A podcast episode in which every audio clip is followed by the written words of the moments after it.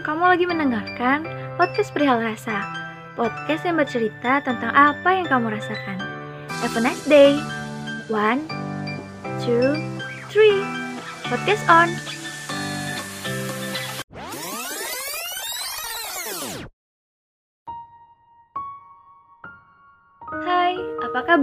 Semoga baik-baik saja ya. Semoga yang mendengarkan podcast Perihal Rasa disertai kebahagiaan selalu, dijauhkan dari segala macam kesedihan. Amin. Balik lagi nih sama podcast Perihal Rasa. Dan di episode kali ini, podcast Perihal Rasa akan membawakan tema tentang toxic relationship. Toxic relationship itu apa sih? Toxic relationship adalah istilah untuk menggambarkan suatu hubungan tidak sehat yang dapat berdampak buruk bagi keadaan fisik maupun mental seseorang. Hubungan ini tidak hanya bisa terjadi pada sepasang kekasih, tapi juga dalam lingkungan teman dan bahkan lingkungan keluarga. Dalam menjalani suatu hubungan, idealnya setiap individu akan saling menyayangi, mengasihi, dan memberikan rasa aman. Namun, pada toxic relationship, salah satu dari pihak biasanya akan berupaya untuk mendominasi pihak lainnya. Sayangnya, banyak orang yang tidak menyadari bahwa mereka sedang terjebak dalam toxic relationship. Namun, hubungan ini sering kali membuat salah satu pihak merasa tertekan. Inilah mengapa toxic relationship tidak boleh dibiarkan berlarut-larut. Contoh singkatnya, kamu memiliki pacar, tapi pacar kamu selalu mengatur kamu, selalu menyuruh-nyuruh kamu, dan membuat kamu ini tertekan akan perintah-perintah dan larangannya ini. Itulah namanya mendominasi pihak lawan, dan itu juga termasuk dari tanda-tanda toxic relationship. Toxic relationship ini dapat berdampak bagi kesehatanmu juga loh, baik kesehatan mental maupun jasmani kamu. Kok bisa sih? Ya jawabannya bisa aja. Karena jika kamu selalu tertekan, maka kamu akan merasakan stres yang berakibatkan nafsu makan kamu berkurang. Sudah sakit hati, badan pun juga ikutan sakit. Emang apa aja sih tanda-tanda orang terjebak di toxic relationship ini? Yang pertama, ada selalu dikontrol oleh pasangan. Tanda yang paling terlihat jelas dari toxic relationship adalah salah satu pihak selalu mengontrol pihak lainnya.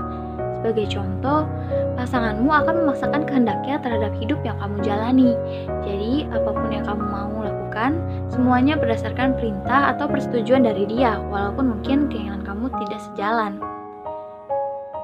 Dia mungkin juga akan mengutarakan kalimat yang membuat kamu harus menuruti kemauannya. Misalkan saja, Aku bersikap seperti ini karena aku sayang kamu. Jika kamu tidak menurutinya, dia bisa saja menuding kamu tidak menyayanginya. Hal ini membuatmu mau tidak mau mengikuti keinginannya.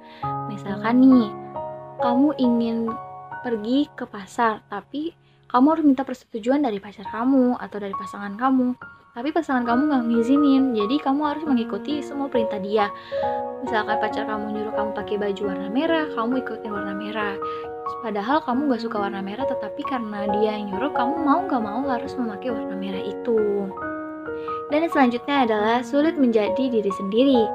Karena terlalu sering dikontrol, kamu tidak dapat menjadi diri sendiri. Kamu akan selalu bersikap seperti apa yang dia inginkan, bukan apa yang kamu inginkan. Bahkan untuk sekedar berpendapat saja, kamu bisa sampai berpikir berkali-kali karena takut apa yang kamu ucapkan terjadi kesalahan di mata dia.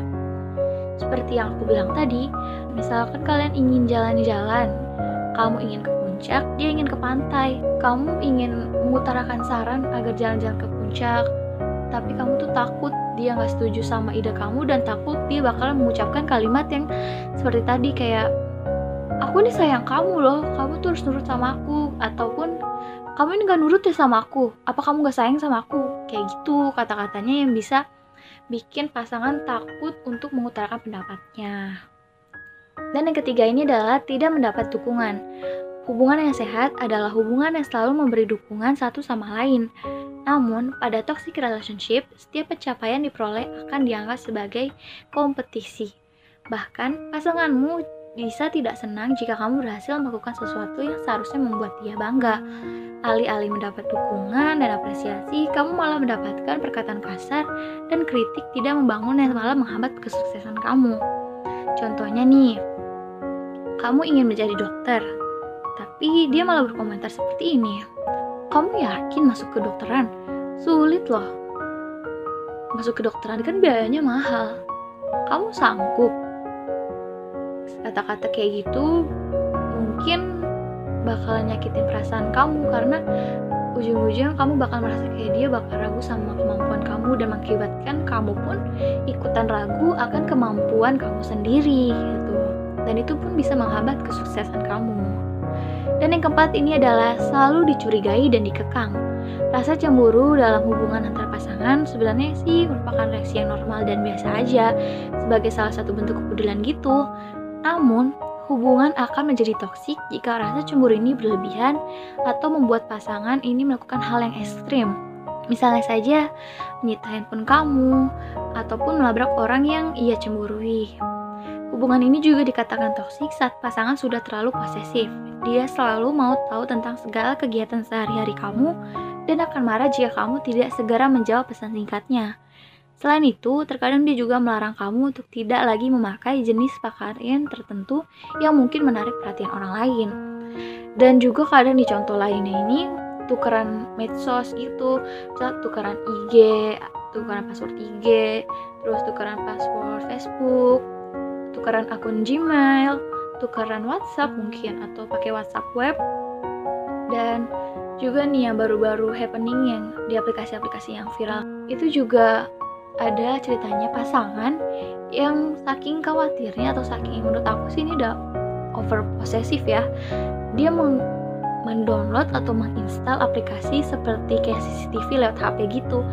Misalkan pasangannya nggak bales secepat yang ia mau terlambat sedikit aja dia langsung buka CCTV itu dia bisa lihat kegiatan pasangan lagi ngapain sih gitu kan kalau kayak gitu menurut aku tuh udah melanggar privasi seseorang dan yang kelima ini adalah sering dibohongi Kejujuran merupakan salah satu fondasi untuk membentuk hubungan yang sehat. Namun, jika pasangan kamu sering berbohong dan menutupi banyak hal, itu tandanya saat ini kamu sedang berada dalam toxic relationship. Dan yang keenam adalah menerima kekerasan fisik. Selain kekerasan verbal, suatu hubungan dikatakan toksik jika sudah ada kekerasan fisik di dalamnya. Pasangan yang tidak sehat secara emosional sering kali akan main tangan. Jika terjadi perselisihan dalam hubungan, apa pun konfliknya, kekerasan fisik tidak dibenarkan ya. Jika pasangan sudah bermain fisik, sudah selesaikan saja hubungan kalian. Karena kalian aja masih pacaran udah main fisik gitu, main tangan, main ringan tangan lagi emosi.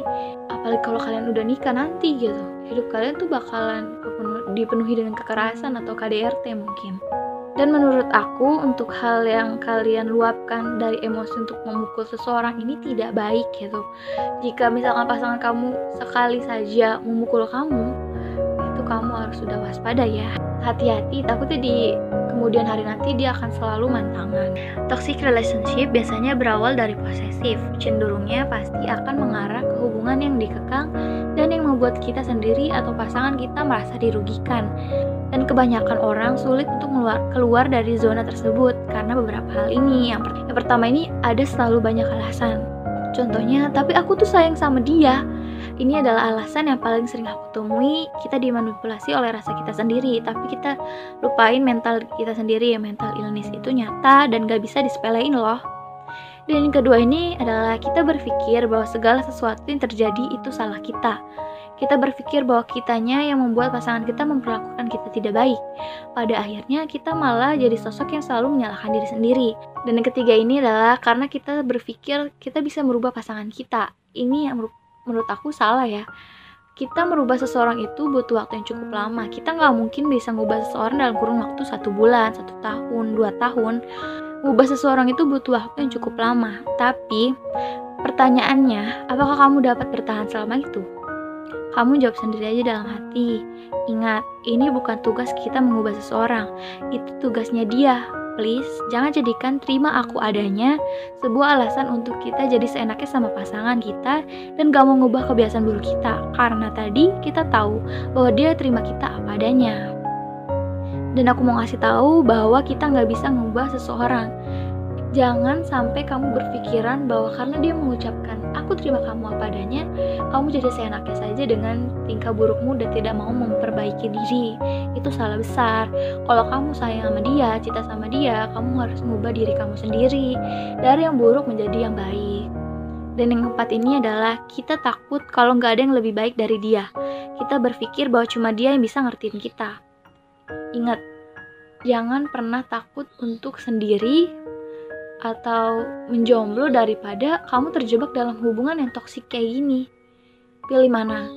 Berada dalam hubungan toksik atau kamu menjomblo dengan perasaan yang bahagia dan tenang tidak tertekan itu dan terkadang pasti ke pacar kalian sering kan ngomong kayak kata-kata romantis yang selalu terdengar manis di telinga kamu tapi sering kamu nggak sadari di balik ucapannya itu kerap kali tersimpan makna yang toksik loh Coba ingat baik-baik, apa pacarmu sering mengucapkan lima kata berikut ini atau enggak? Terdengar manis dan romantis sih, tapi sebenarnya toksik. Emang kalimatnya apa aja sih? Nah, yang pertama adalah kamu terlalu baik buat aku. Hmm, ucapan ini bisa terdengar seperti sebuah pujian, tapi ketika pacar kita memiliki self esteem atau kepercayaan diri yang rendah, kalimat ini jadi terkesan toksik loh. Jika kenyataannya seperti itu, kita perlu membantu pacar kita untuk mengembalikan kepercayaan dirinya. Karena gimana pun juga yakin sama diri sendiri itu penting. Nah, yang kedua adalah enggak ada yang bisa mencintai kamu seperti aku. Merasa kata-kata ini romantis? Duh, nyatanya bukan romantis. Kalimat ini justru bermasalah banget. Dokter Ramani Durvasula melaporkan bahwa kalimat tersebut merupakan bentuk ucapan penuh rasa mengontrol. Bahkan bisa berakibat buruk kepada self esteem kita atau rasa percaya diri kita. Jadi kepercayaan diri kita tuh jadi rendah gitu. Dan yang ketiga ini adalah kamu yang satu-satunya aku miliki. Saat hubungan kita sama pacar stabil dan baik-baik aja, kalimat seperti ini memang gak masalah. Tapi ketika pacar mengucapkannya saat dia nggak memiliki support lain di hidupnya, kata-kata ini jadi mengandung arti toksik loh. Soalnya pacar bisa aja menganggap kalau kita dapat melakukan peran sebagai teman, orang tua, bahkan terapis bagi dia. Ya, pacar jadi bergantung sepenuhnya kepada kita. Misalkan pacar kamu dalam keadaan kondisi yang uh, benar-benar down dan kamu selalu ada untuk dia dan pacar kamu tuh jadi kayak membayangkan bahwa kamu adalah satu-satunya yang ia miliki meski ia ada keluarga ataupun teman cuman kamu yang terpenting di hidupnya sebenarnya ini nggak nggak baik ya. Karena bagaimanapun juga nilai teman dan sahabat maupun keluarga ini nggak bakal bisa digantikan gitu. Ya mungkin pacar bisa untuk membantu mengurangi rasa sedihnya ini tapi jangan terlalu kamu mikir karena pacar kamu selalu ada. Cuman pacar kamu doang satu-satu yang kamu miliki. Kamu harus buka mata kamu bahwa kamu masih punya teman yang peduli sama kamu dan punya keluarga yang juga peduli sama kamu dan kalau kamu misalkan berpikir bahwa pacar kamu adalah satu-satunya yang kamu miliki itu akan ngebuat pacar kamu jadi kayak tertekan. Ter kenapa aku bilang tertekan? Karena pacar kamu jadi makin gak enakan. Karena kalau misalkan terlambat sedikit aja dia balas pesan kamu, kamu bakalan marah gitu ya kan? Dan dia pun jadi kayak nggak enakan gitu, kayak ngerasa ah gue nggak baik nih buat dia, ah gue selalu nggak ada buat dia gitu. Dan karena ucapan-ucapan kamu itu juga berpengaruh pada kepikirannya dia gitu. Dan yang keempat ini adalah kamu harus lebih tenang. Ketika kita lagi ada masalah, kata-kata seperti ini pasti akan sering muncul Emang sih, di satu sisi kalimat ini bisa menjadi hal yang baik karena pacar kita jadi menenangkan hati kita, meyakinkan kita bahwa semua hal akan kembali baik-baik aja.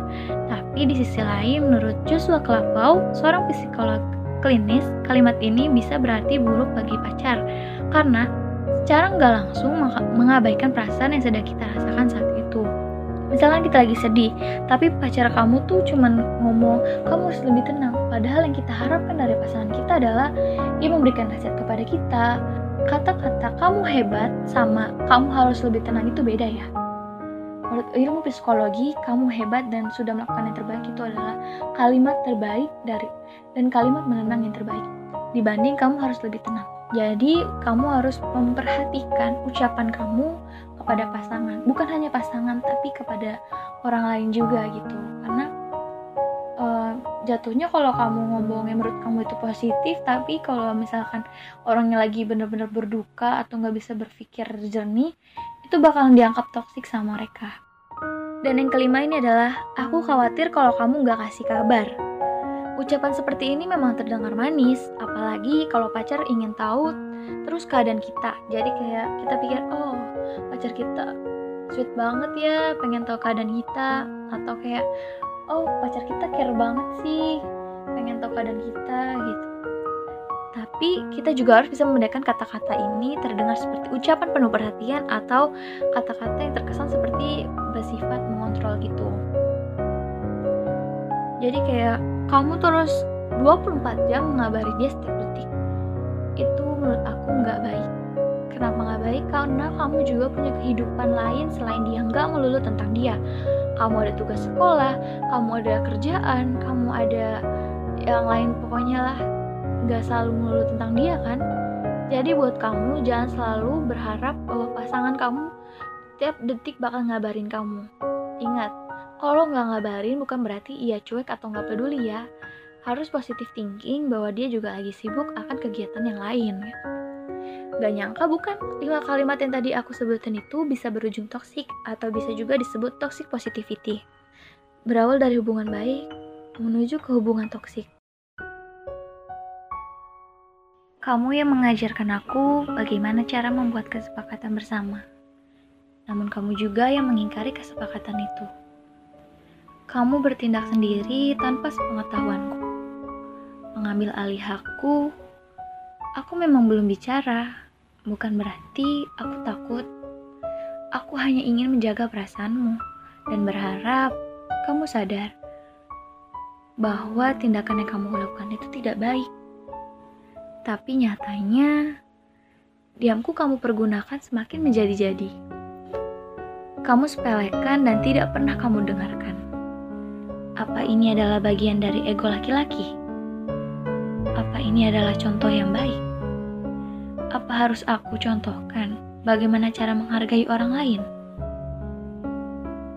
Aku lelah dengan hubungan kita yang tak pernah habisnya bertengkar. Aku lelah menuruti apa kemauanmu, memenuhi semua ekspektasimu, dan memenuhi semua keinginanmu. Bukan hanya lelah fisik, tapi hatiku juga lelah menahan semua amarah yang berkecamuk dalam diriku aku merasa bahwa kau berbeda dengan dirimu yang dulu. Dirimu yang manis saat PDKT dulu, yang tidak ada pengekangan, tidak ada cemburu berlebihan, dan tidak ada mengatur-ngatur. Aku kan ngatur buat kamu jadi lebih baik. Iya, aku paham. Tapi bisakah kamu percayakan saja kepadaku? Percaya akan tindakan dan langkah yang aku ambil. Aku tak terlalu bodoh dalam mengambil keputusan. Ini hidupku. Aku hanya ingin merasakan bebas dan bahagia dengan pilihanku.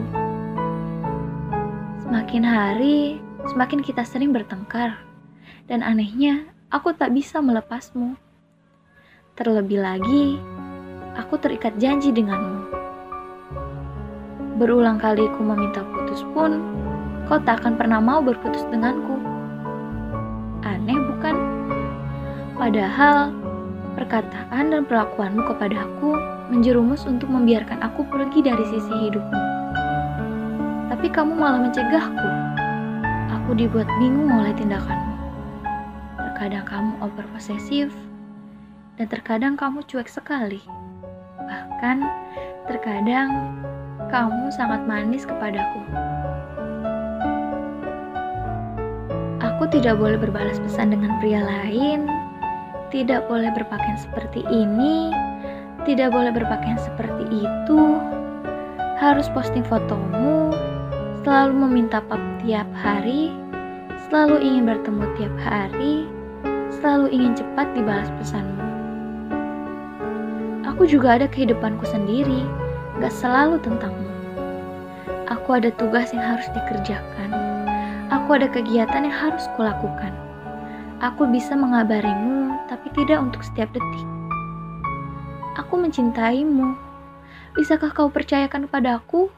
Dengan selalu mengekang, overprotective dan overpositif itu tidak baik. Rasanya hubungan kita menjadi sangat tidak baik. Aku rindu di mana hubungan kita masih baik-baik saja, di mana hubungan kita masih manis-manis saja. Dan di mana hubungan kita tidak buruk seperti saat ini, tidak terlalu over, dan saling mengasihi. Berawal dari hubungan baik menuju ke hubungan toksik.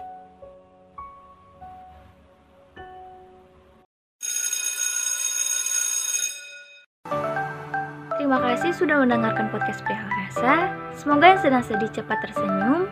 Semoga yang sedang gembira akan bergembira selalu. Jangan lupa untuk klik tombol favorit dan share podcast kita jika kamu suka dengan podcast ini. See you on the next podcast.